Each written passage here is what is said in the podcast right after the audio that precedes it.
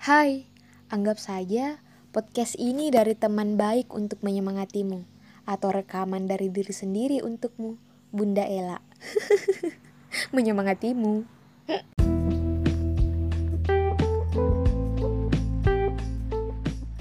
Oh iya, pernah dengar tidak petuah ini? Bahkan kita selalu mengalami tanpa sadar menyadarinya. Petuah ini bahwa Sebagian kesembuhan dan kesehatan tubuh berasal dari jiwa yang tenang. Juga bahwa sebagian penyakit berasal dari rasa gelisah dan perasaan tidak tenang. Pertanyaannya, bagaimana cara membuat jiwa diri-diri gelisah menjadi tenang? Menahan, mengendali, nyatanya rute hidup itu pasti sulit tiap jiwa bertujuan agar menguatkan dirinya. Ingatkah kita pada manusia yang amat dicintai Pencipta? Rasulullah bahwa tak ada manusia yang hidupnya seberat yang ia terima. Ternyata karena Allah cinta demi Rasulullah kuat dan setia. Bagai hadiah dari Sang Al-Asis untuk para kita yang lemah. Si lemah yang rencananya selalu agar jalan mulus sesuai harapannya. Maka apa jadinya jika mulus itu membuat hampa? Sedikit goresan saja sudah seperti mati rasanya. Karena hidup enak membuat kita terbiasa. Kita tanpa sadar jadi lemah dengan ego sebagai kekuatan.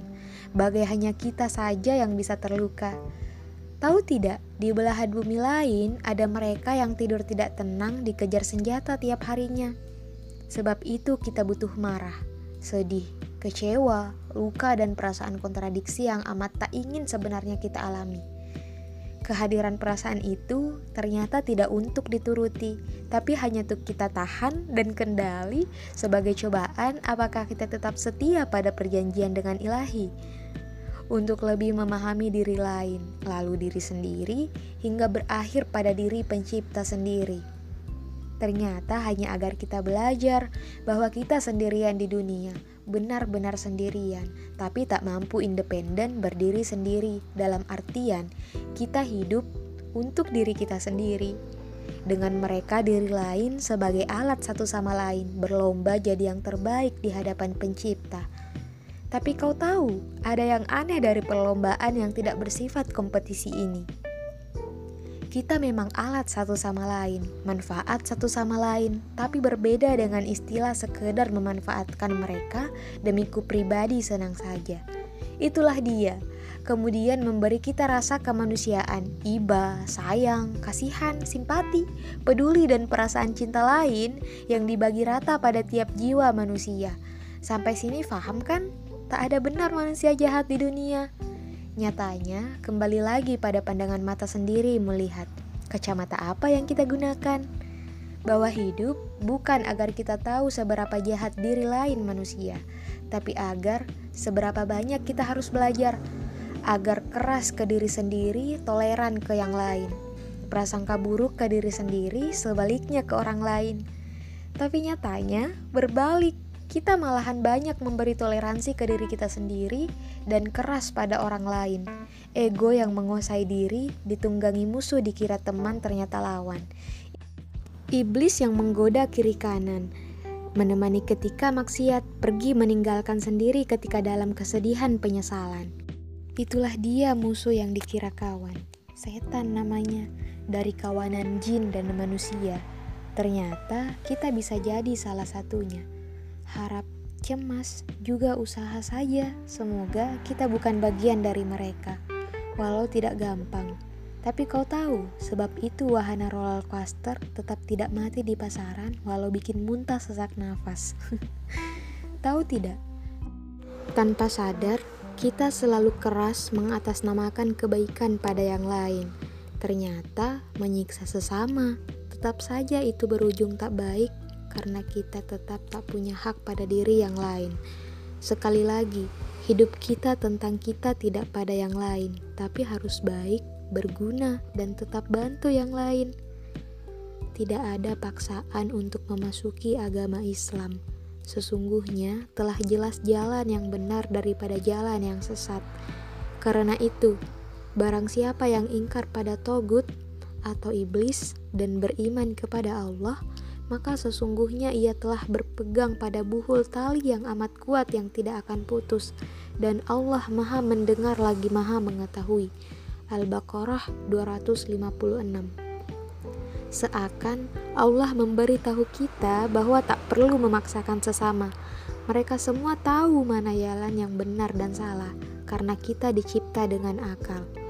Maka kita berlomba jadi yang terbaik dengan cara menggandeng tangan yang lain, bukan menarik paksa tangan yang lain, hanya itu satu-satunya cara.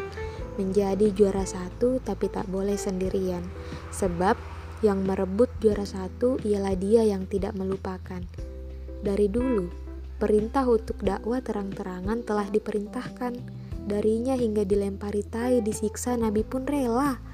Kita sudah diapakan saja nih, belum apa-apa tapi cita-cita masuk surga. Kita bayar dengan apa hendak kembali ke tempat terbaik yang dimiliki pencipta.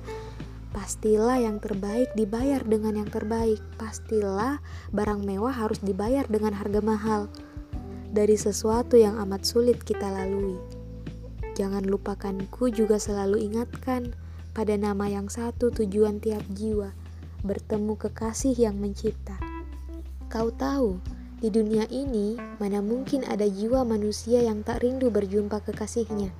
Kita semua selalu merindukan, walau diberinya rindu itu pada kebanyakan digunakan untuk rindu hanya pada sesama manusia. Pacar mungkin. Ternyata ada alasan besar di belakangnya. Kau tahu mengapa alasan itu pada kita diberinya? Hanya saja kita tanpa sadar menyadarinya untuk menyadari kehadiran Allah, segala ilmu yang berujung padanya, agar untuk menemukannya bahwa Dia memang ada. Alasan pejalan manusia mencari dari melihat, dengar, juga segala yang diberi pada kita. Kita yang tak tahu apa-apa untuk apa terlahir di dunia, manusia yang berat amanah, khalifah yang ditunduki seluruh ciptaan di bumi Allah. Kau tahu tidak tugas pemimpin? tumbuhan, binatang, seluruh alam semesta yang sangat besar ini hingga galaksi dan kosmosnya tunduk pada kita. Maka, mana mungkin tugas kita hanya permainan? Tidakkah cukup membuat kita bangga dan syukur tiada tara? Berasa jadi pemeran utama dengan beragam cerita. Itulah kita, manusia sekali lagi namanya. Kuatlah, kita semua berusaha karena pemeran utama akan berakhir beragam juga ceritanya. Tapi kita tidak seperti penonton dalam bioskop yang tak mampu menebak cerita. Kita bisa dengan pilihan, karena telah jelas disebutkan mana jalan yang benar dan salah. Hanya kadang, demi mengenyangkan nafsu, ketetapan itu kita abu-abukan, hingga bodoh terlupakan. Semoga doa tiap 17 kali per hari kita yang kita sadari telah Dia kabulkan. Tunjukilah kami jalan yang lurus, yaitu jalan orang-orang yang telah Engkau beri nikmat kepadanya, bukan jalan mereka yang dimurkai dan bukan pula jalan mereka yang sesat. Al-Fatihah ayat 6 7. Itulah kuncinya. Untuk yang lemah seperti kita, doa atau meminta-minta pada Dia yang kuat, bukan pada sesama yang juga sama lemahnya, maka akan hanya berakhir malu rasanya. Itu saja untukku, untukmu, untuk kita. Apa pun yang terjadi, tetaplah bernafas. Karena sesudah kesulitan pasti ada kemudahan. Diulang sampai dua kali oleh Allah di dalam surah Al-Insyirah. Wassalamualaikum. thank you